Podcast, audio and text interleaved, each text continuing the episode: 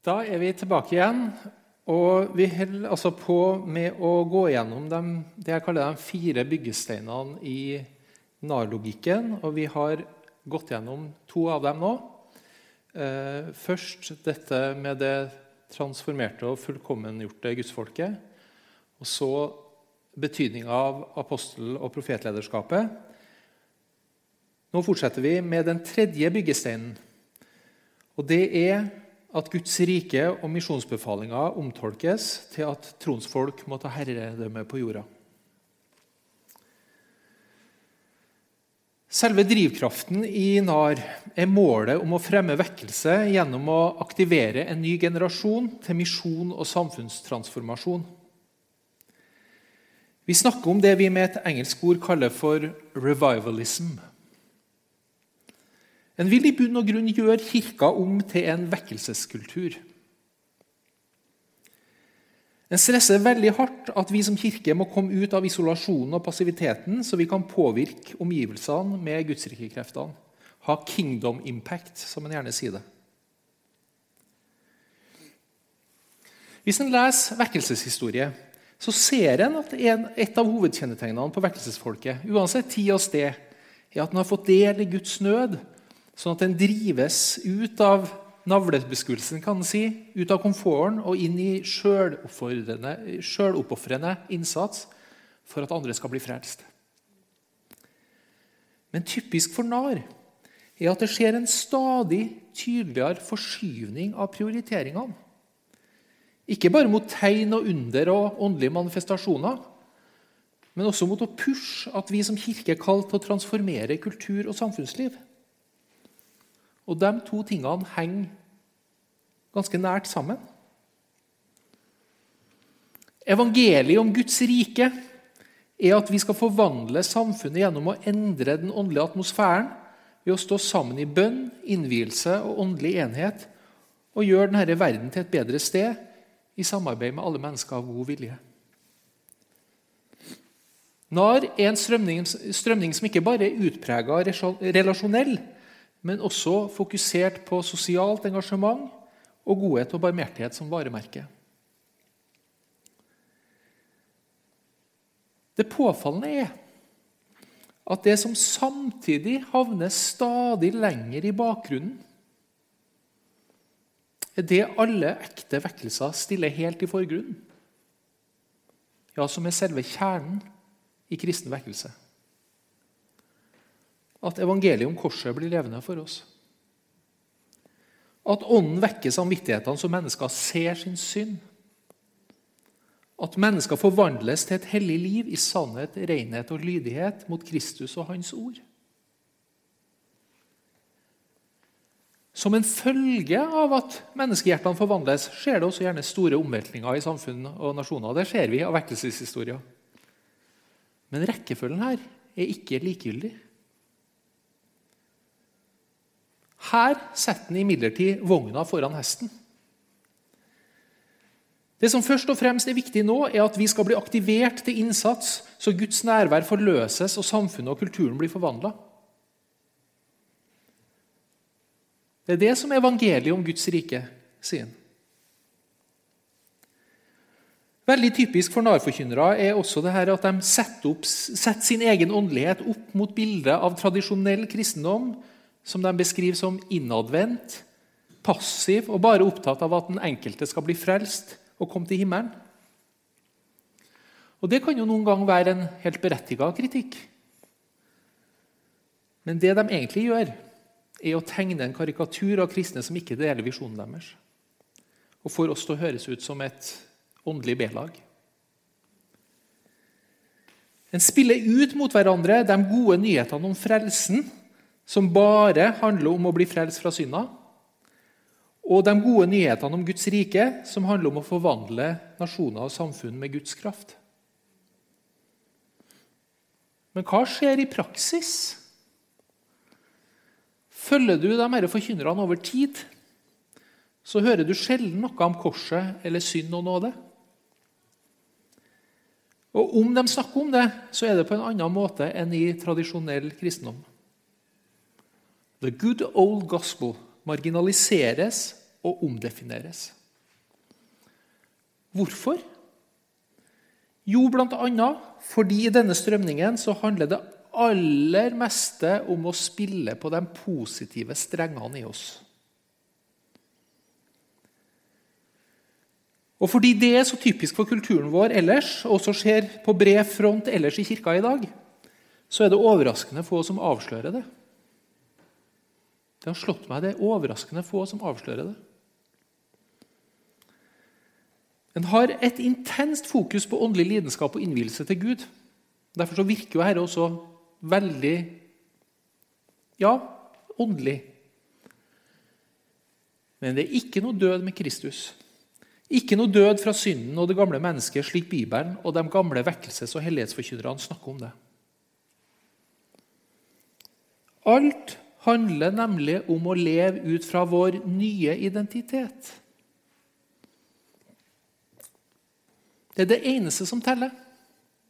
Vi skal drømme stort med Gud, ta ut vårt fulle potensial, leve ut fra et høyere åndelig nivå, bringe himmelen til jorden, finne vår passion i livet. Nå vår bestemmelse, vår destiny. Og med destiny mener en ikke det evige livet der fremme, for å si det sånn.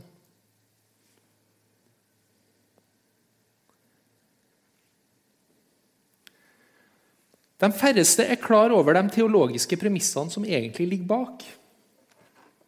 Wagner er helt eksplisitt på det når han snakker om the dominion mandate mandatet vi som kristne har fått til å utøve herredømme. Wagner snakka om det titt og ofte, og det ligger også mange videoer om det ut på nett av han. Men det er det samme som Wagner står for, som ligger mellom linjene i så mye av det vi ser utspille seg i menigheten nå. Og I virkeligheten så har en omdefinert det Bibelen sier om misjonsoppdraget og om Guds rike. En ser rett og slett annerledes på den store frelseshistoriske sammenhengen, eller de store frelseshistoriske sammenhengene i Bibelen enn det Kirka tradisjonelt har gjort. Oppdraget til å drive misjon settes nemlig i en helt bestemt ramme. Typisk er koblinga av det Jesus sier i misjonsbefalinga meg er gitt all makt i himmel og på jord. Gå derfor ut og gjør alle folkeslag til disipler osv. Med det såkalte kulturmandatet i første Mosebok 1.28. I første Mosebok 1.28 står det at da Gud skapte menneskene, sa han Vær fruktbare og bli mange, fyll jorden og legg den under dere.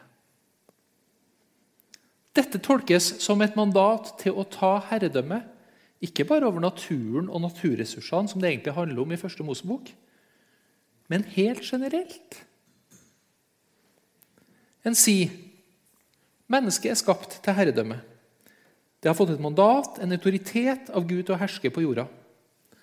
Og Det som skjedde i syndefallet, var at vi ga fra oss denne autoriteten vi fikk i skapelsen, til Satan. Og Gjennom sin død oppstandelse vant Jesus denne autoriteten tilbake. Og nå i de siste tida er det opp til oss, den åndsfylte menigheten, å endelig gjøre alvor av å bruke denne autoriteten. Jesus har delegert til oss å etablere hans rike på jorda.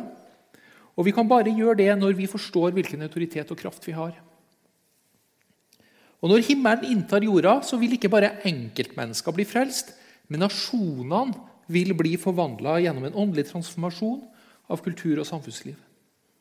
Og det er slik misjonsbefalinga vil bli oppfylt. Men Gud kan bare gjøre dette gjennom oss når vi bruker den autoriteten vi har fått, og åpner oss for Ånden, som er en utømmelig kilde vi kan øse av.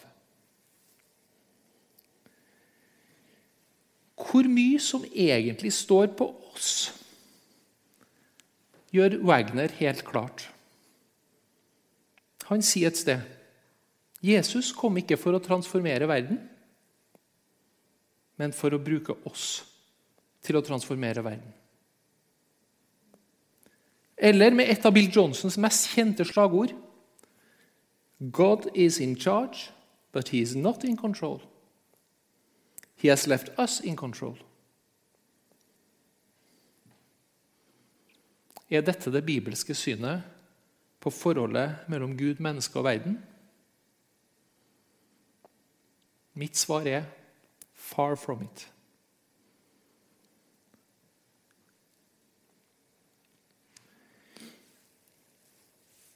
Begynnelsen på all falsk lære er tukling med den bibelske grunnfortellinga. Linja fra skapelse, syndefall, utvelgelsen av Israel som Guds eiendomsfolk til hva Kristus har gitt oss gjennom sin døde oppstandelse. Vær spesielt oppmerksom på hvordan forkynnere snakker om syndefallet. Her går det ofte galt allerede over hoppkanten, kunne vi si. akkurat som når Tande havner nederst i bakken med hodet først.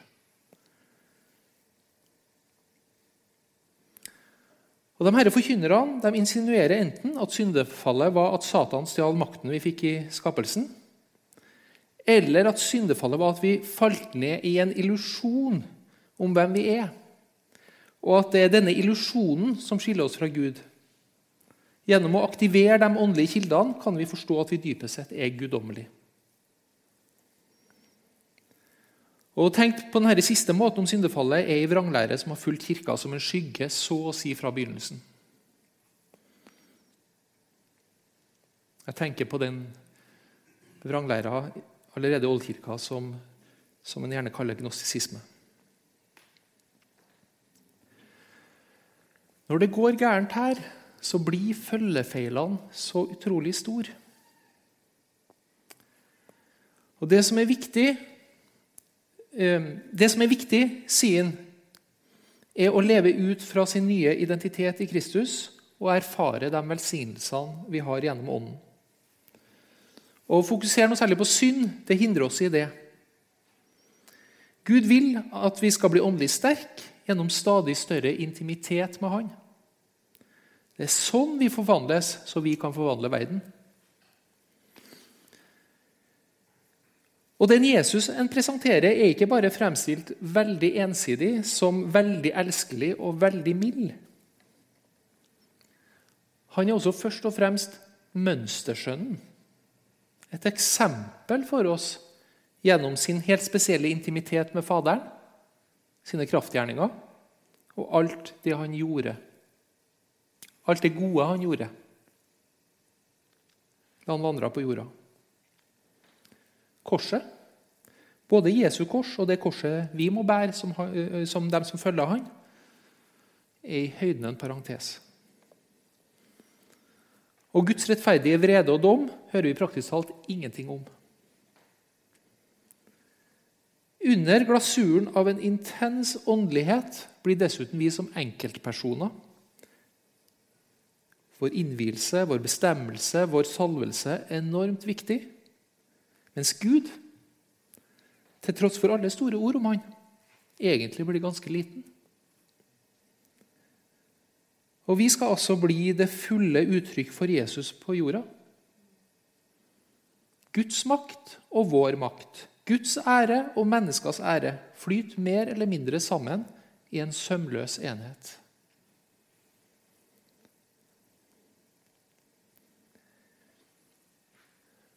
Nøkkelspørsmålet er hvilken vekkelse en faktisk fremmer gjennom det her. Og Det er her jeg mener bildet av et virus treffer så godt. Akkurat som datavirus som kopieres inn i et program eller et OS for å ødelegge, trenger denne åndsfylte kristendommen versjon 2.0 seg inn og pervertere den ekte vekkelseskristendommen og karismatikken, som vår tid definitivt trenger. Og Den viktigste grunnen til at jeg velger å stå i kampen mot disse strømningene, er at jeg er overbevist om at de i realiteten struper den sanne vekkelsen som vår tid desperat trenger. Vi snakker om en trojaner. Og den forvirrer, den avsporer og brenner ut ikke minst mange av de mest hengitte kristne ungdommene i dette landet. Den gjør også de åndelige sansene våre sløv for det vi mest skulle fokusere på om vi skal bli redskaper Gud kan bruke for å fremme sann vekkelse.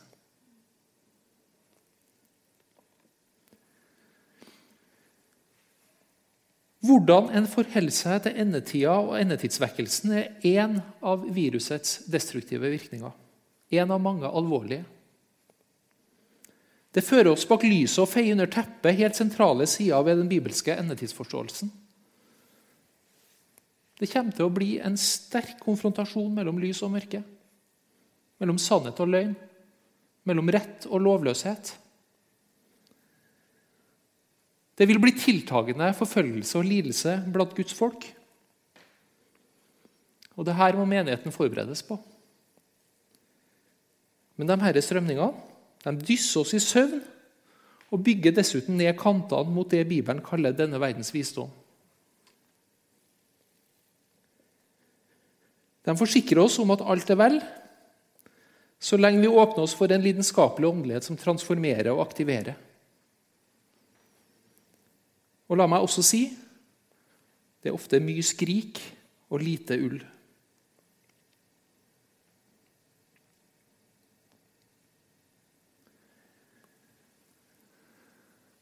Jeg er kommet til den fjerde og siste byggesteinen.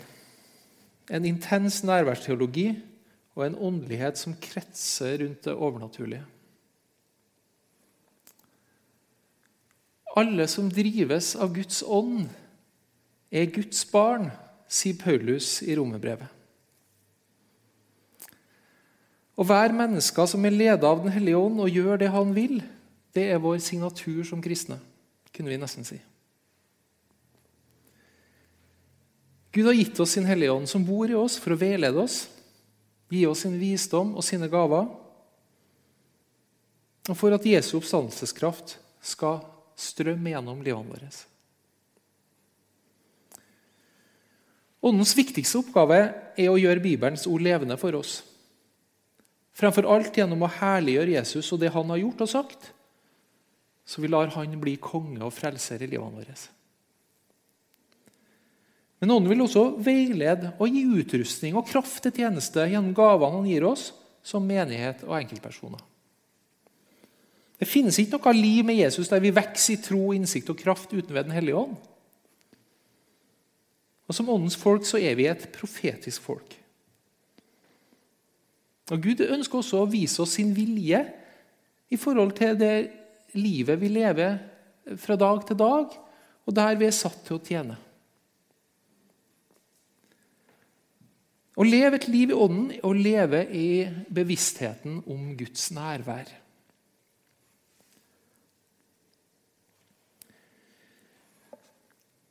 Jeg siterte tidligere Mike Winger, som sier at NAR pusher veldig aggressivt et nytt bilde av hva det betyr å være kristen, og av å være fylt av Ånden. Noe av det mest typiske ved denne strømninga er det insisterende og aldri hvilende fokuset på å søke og forløse Guds nærvær. To seek and activate, eller release God's power and presence, er selve navet i den åndeligheten en fremmer. Poenget var en legg i dette. Det handler stort sett alltid om det manifesterte nærværet. Det er gudsnærværet som kan oppleves og erfares og føles merkbart. Å få guddommelige berøringer og oppleve intimitet med Gud.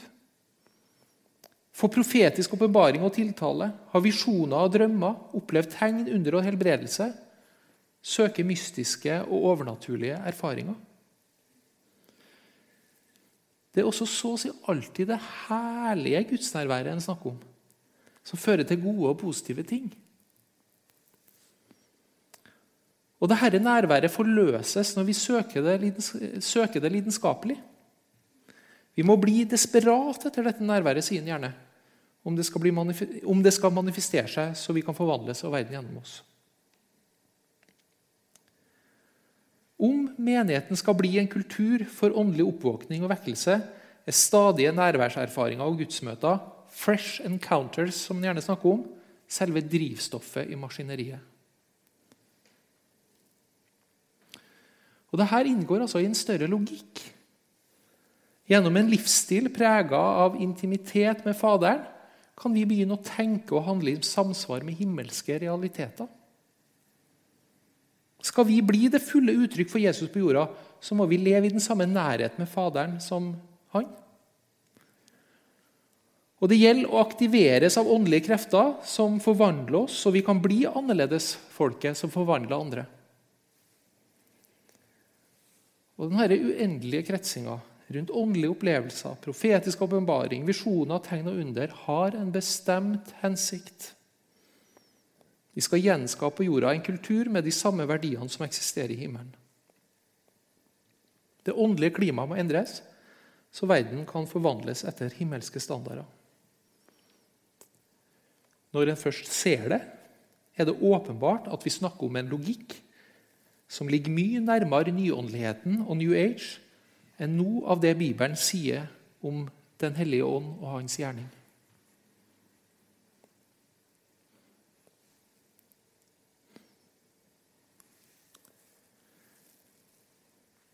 Også den sanne, åndsfylte menigheten vet at livet og kraften ligger i å søke Guds nærvær. Det er altså ikke der skillet går. Men den sanne menigheten er først og fremst opptatt av Guds reelle, faktiske nærvær når vi er forent med Kristus gjennom hans død og oppstandelse. Hos oss som tror og er døpt til Jesus, er Gud reelt og faktisk til stede gjennom sitt ord, gjennom sin ånd. Enten vi merker det eller ikke. Og noen ganger merker vi det, andre ganger ikke. Gud vil manifestere sitt nærvær. Han vil det. Men opptrer vi som om Guds manifesterte nærvær er det eneste som er verdt å snakke om? Vil forestillinga etter hvert feste seg at vi må oppleve og erfare Gud mer eller mindre nonstop for at vi skal tro at han er til stede i livet vårt? Hva da når livet butter, og velsignelsene og de gode følelsene uteblir? Ja, Enten så biter vi tennene sammen og gjemmer oss bak en religiøs fasade. Eller så kan vi ende opp i en krise hvor trua i verste fall havarerer.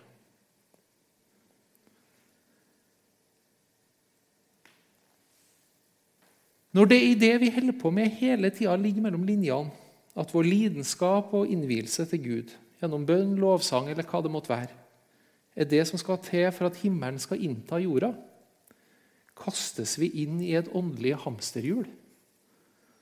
Og det er ikke bare utrolig monotont og slitsomt. Etter en stund så oppdager vi også at vi egentlig ikke har kommet av flekken. Til tross for alle store løfter og visjoner.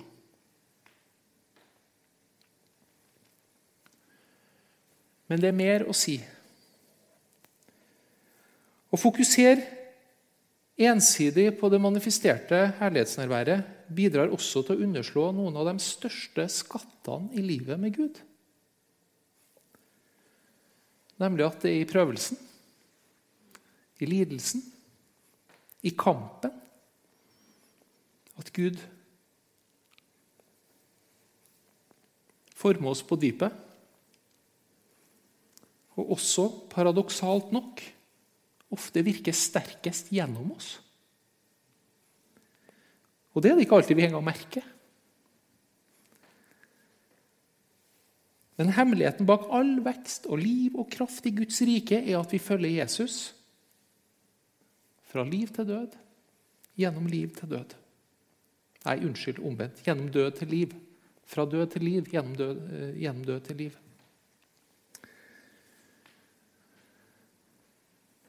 Vil du ha kingdom impact?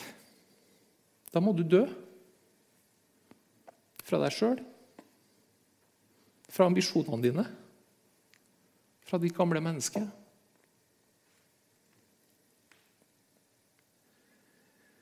Når Paulus sier at alle som drives av Guds ånd, er Guds barn i Romerne 8, så står det i en helt bestemt sammenheng.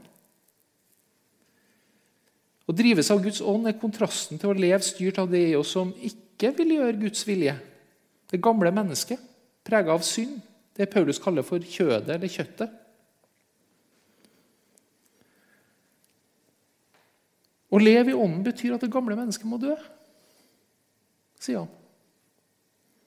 Skal vi leve, må vi, ta, må vi ved ånden ta livet av og frasi oss det som ikke vil bøye seg under Guds lov og vilje. Det er det det står i Romerne 8. Og det her er kjennetegnet på sann kristen åndelighet. Og det herre hører du knapt noe om hos tilhengerne av NAR.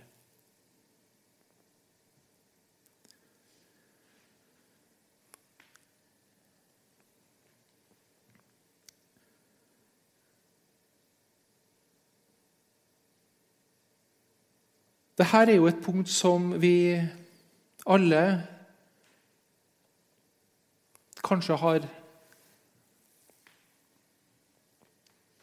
altså Som vestlige kristne at vi har et, et stadig mer distansert forhold til, fordi vi er prega av tidas tankegang.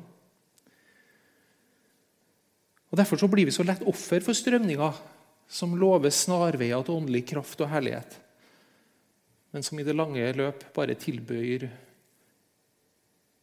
overfladisk glem. Vi har mista kontakten med dybdene i det som står i en gammel biografi om pionermisjonæren Hudson Taylor. Jeg leste her linjene i en biografi om han for en tid tilbake. Her står det Ikke før flere år senere, da misjonær Taylor kunne få et overblikk over hele den vei som Herren ledet ham, så han tydelig at hvert betydningsfullt skritt i misjonens utvikling hadde stått i direkte forbindelse med tider av sykdom og lidelse. Som på en særlig måte førte han nær Gud.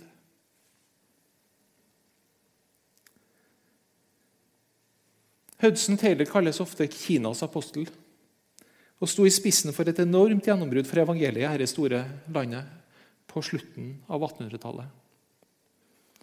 Her snakker vi om en sann, moderne apostel.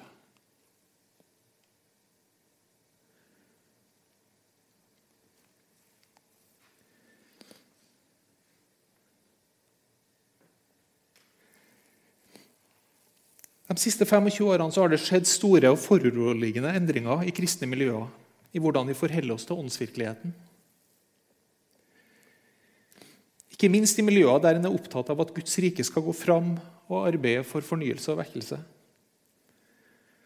Og Fordi endringene har kommet snikende og gradvis, så er det kanskje ikke så lett å se. Og Jeg tenker at de disse endringene skyldes i stor grad innflytelsen fra disse strømningene som jeg snakker om i dag, og som jeg også kaller et virus. Mer og mer så lærer vi å søke det åndelige og overnaturlige for sin egen skyld. Vi fremmer en åndelighet som mer eller mindre lever sitt eget liv. Løsrevet fra Bibelen, løsrevet fra sannheten i evangeliet. Løsrevet fra et liv der vi følger Jesus på korsets vei. En ny generasjon blir i kristne sammenhenger eksponert for praksiser som bare for få år siden var helt utenkelig og ville bli oppfatta som blasfemisk. Hvor mange er det ikke som har deltatt i åndelige selskapsleiker med ildtunneler og såkalte Holy Spirit parties? Enten ved at de ble introdusert for det på stevner og konferanser der kjente predikanter var på scenen, eller at de f.eks. gikk på en bibelskole der dette var en del av repertoaret. Under et Holy Spirit Party, såkalt, ved en bibelskole jeg hørte om nylig, sto alle i ring og holdt hverandre i hendene.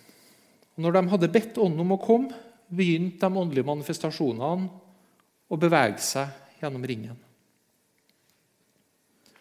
Men først så hadde hun som leder introdusert det hele med de her ordene. Dere vet, Den hellige ånd liker å leke.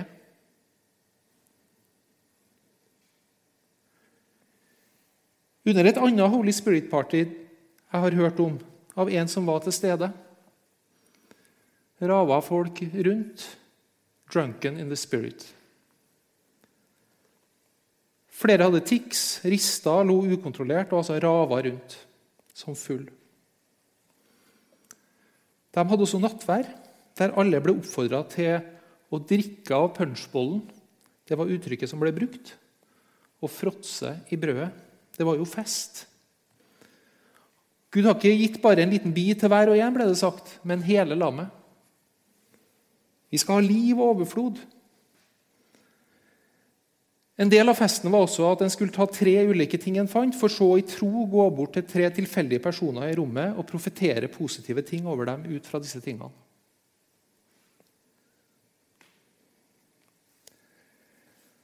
Nettopp dette med hvordan vi forholder oss til det profetiske, er en viktig test. Profetien er en utrolig verdifull gave Gud har gitt til menigheten. Jeg vet fra mitt eget liv også hvor, hvor kraftfull personlige profetier kan være når de er formidla på, på, en riktig måte og i ei trygg ramme. Og Det er en grunn til at Paulus sier 'søk åndsgavene med iver', særlig det å tale profetisk. Men det er nettopp en gave som Ånden deler ut slik han vil. Sånn står det i 1. Korinterbrev 12 om Åndens gaver. Han deler ut slik han vil, og ikke noe vi tar i egne hender og gjør, eller gjør nærmest til en forbruksvare. Men I dag er det mange som tilbyr såkalt profetisk betjening. Som kaller det å ta inn alle slags åndelige inntrykk som en leverer videre som positive ord til andre for profetier, og plassere det i en ramme der det er en liten eller ingen rom for prøving. Sånn trivialiseres profetien. Det går inflasjon i den.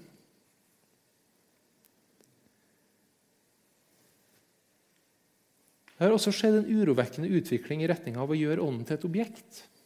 En energistrøm som det er opp til oss å forløse, aktivere, administrere og kontrollere.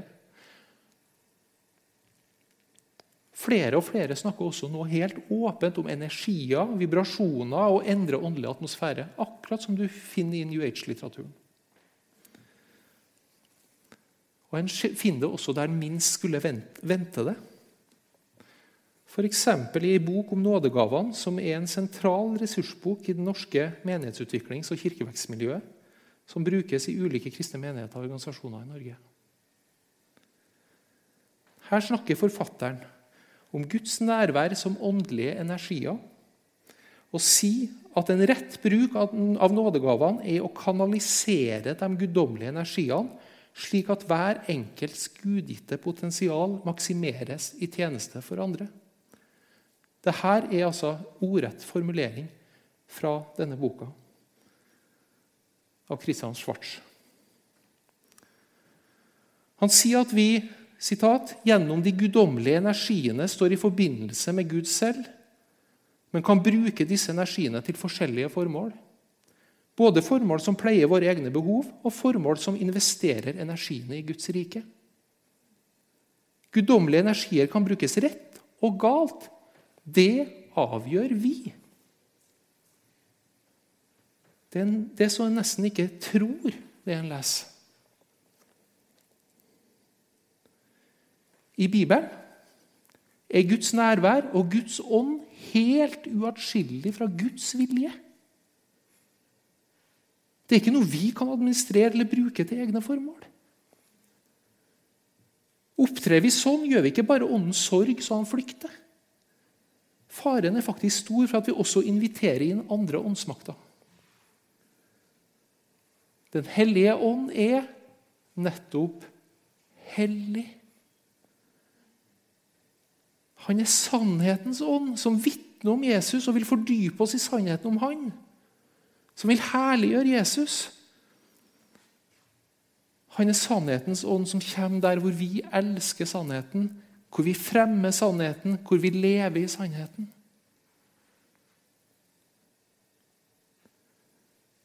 Dere tåler det svært så godt når noen kommer og forkynner en annen Jesus, eller når dere får en annen ånd enn dere har fått, eller et annet evangelium enn det dere har tatt imot, sier Paulus til korinterne i 2. Korinterbrev 11. En annen Jesus og et annet evangelium gir en annen ånd. Dette henger sammen.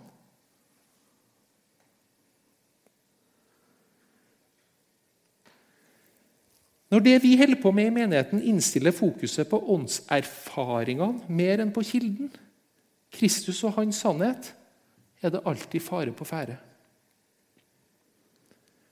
Å leve på egne eller andres visjoner, åpenbaringer og mystiske opplevelser kan være spennende en stund, men det er næringsfattig åndelig kost.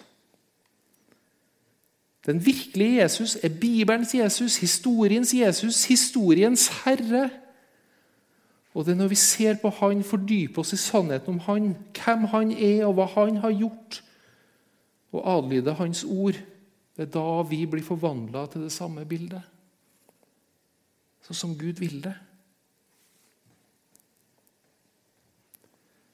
Det går faktisk an å kvele menighetens åndskraft ved å fetisjisere den.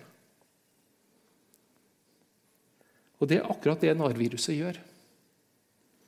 Samtidig klistrer dette viruset åndens gjerning mer og mer til en synlighetskultur som gjør oss mennesker veldig stor og betydningsfull.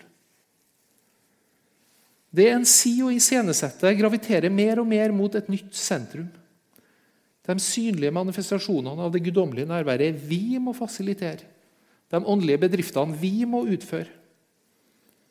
Det er visstnok sånn vi viser at vi er blitt en menighet som er det fulle uttrykk for Jesus på jorda. Og Under den sterke åndelige glasuren så blir samtidig synd og urenhet mer og mer godtatt. Sann gudsfrykt og hellighet stadig mindre inne i bildet.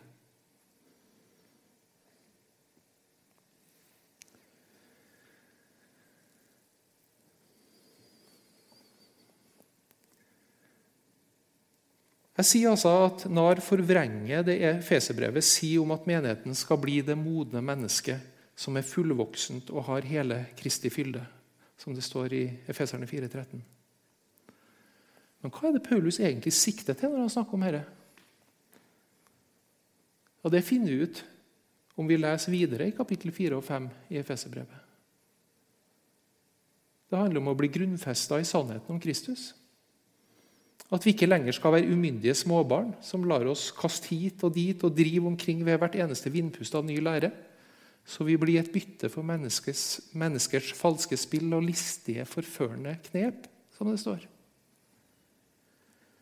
Det handler om å bli grunnfesta i det vi er opplært i. Den sannhet som er Jesus, sier Paulus. Det handler om at vi ikke skal leve som før, men legge av det gamle mennesket som blir ødelagt av de forførende lystene, og bli ny i sjel og sinn. At vi skal kle oss i det nye mennesket som er skapt i Guds bilde til et liv i sann rettferd og hellighet. Dette snakker Paulus om for å forklare hva en moden menighet som har fått Guds fylde, innebærer. Vi finner absolutt ingenting om at vi skal forvandles gjennom å nå nye nivåer av åndelig innsikt og kraft. Alt Paulus skriver om Efeserne 4 og utover, handler om å leve i sannheten og leve et hellig liv i åndens kraft. Bibelen vet faktisk ikke om noen intimitet med Gud utenom dette. Den hellige Gud forener seg ikke med det som er ureint. Den hellige ånd kan bare falle på det som er rensa i Jesu blod.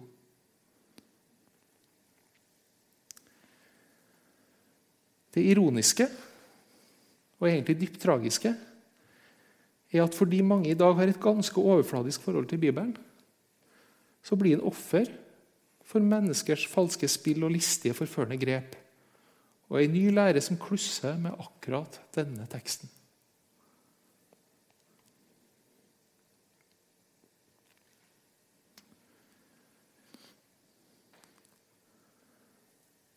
Jeg har presentert den typiske NAR-logikken og forklart hvorfor jeg mener den er et virus, en trojansk hest, i menigheten i dag.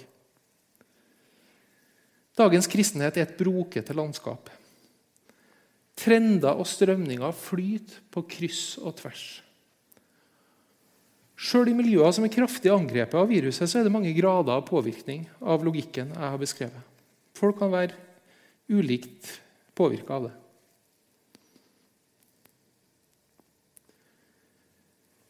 I dag befinner vi oss i en åndssituasjon tenker jeg, der vi som troens folk må utvise mye større våkenhet og åndelig dømmekraft. Det jeg snakker om i dag, er bare én av flere strømmer som setter vår trofasthet mot evangeliet på prøve. Vi må lære oss å lytte mye nøyere til hva som egentlig sies i forkynnelse og undervisning. Ikke ta ting for god fisk bare fordi det kommer fra kjente kristne ledere som er populære og trekker mye folk. Og vi må kjenne vår bibel. Det er faktisk det det i stor grad koker ned til.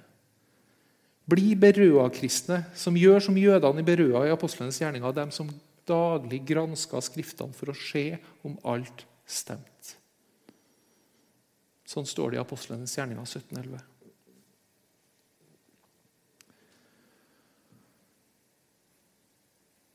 Når et virus angriper programvare på PC eller mobil, tar det gjerne tid før vi oppdager det. Sånn er det også med NAR-viruset. Jeg greide ikke å avsløre det med en gang. Og Mange som har tatt kontakt med meg etter at jeg skrev denne boka, sier det samme. De trenger tid til å skjønne hva de sto overfor, og til å ta inn over seg hvor alvorlig det faktisk var. For å identifisere og rense eh, systemet trenger de fleste av oss hjelp av andre med mer erfaring. Akkurat som vi ofte trenger eksperthjelp for å håndtere et datavirus. Og Når et lumsk dataangrep rammer kraftig, kanskje det mest personlige vi har lagra, så kan en få lyst til å kaste alt. Men da trenger vi noen som kan fortelle oss at det fins måter å rense systemet på. Sjøl om det kan ta tid, og det kan koste. I ei tid som dette her, så tror jeg det er veldig viktig at mennesker som ser, står sammen, går sammen og hjelper hverandre til å finne nye veier sannheten, tro i kjærlighet.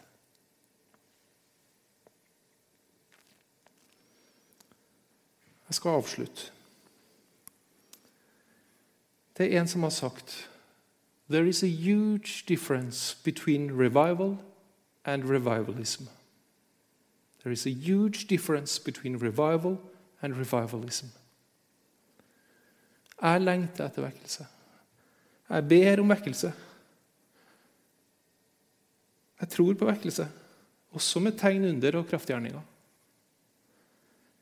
Men jeg tror ikke et sekund på at den kommer gjennom å bygge en vekkelseskultur der vi fetisjiserer vår egen åndelighet og hele tida flørter med de narsissistiske elementene i tida vår.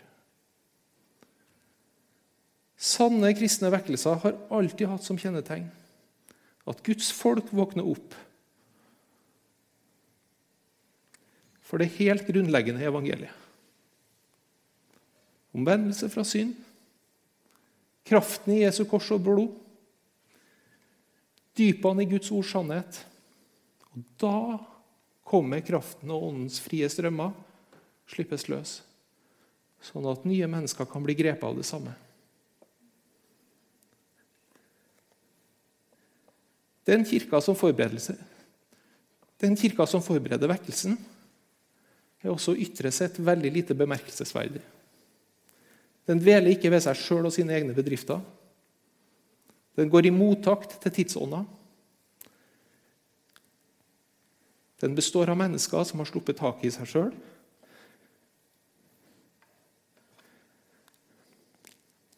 Fordi de bøyer seg under Guds hellighet og veldige makt.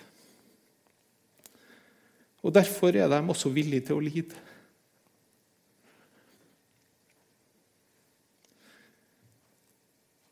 De er opptatt av å følge den korsfestede og oppstandende Jesus, uansett hvor han går. De er opptatt av å gjøre hans vilje og helt enkelt gå inn i de gjerninger han legger ferdig. Ikke av åndelige opplevelser og bedrifter i og for seg. Det som dypest sett står på spill i denne tida, slik jeg ser det, er det her. Er det den falske vekkelsen vi vil ha, eller er det den sanne? Og jeg er sikker på, både ut fra Det nye testamentet og retninga samfunnsutviklinga nå peker, at de som vil være med og fronte den sanne vekkelsen, vil måtte betale en høy pris. Men det vil være fullstendig verdt det. For vi vet hvem vi følger.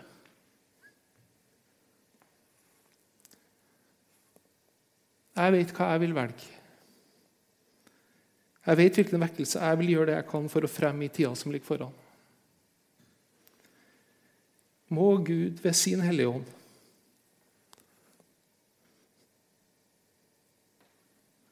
med sannhetens ånd gi oss nåde, mot, visdom og dømmekraft til å velge rett i denne tida.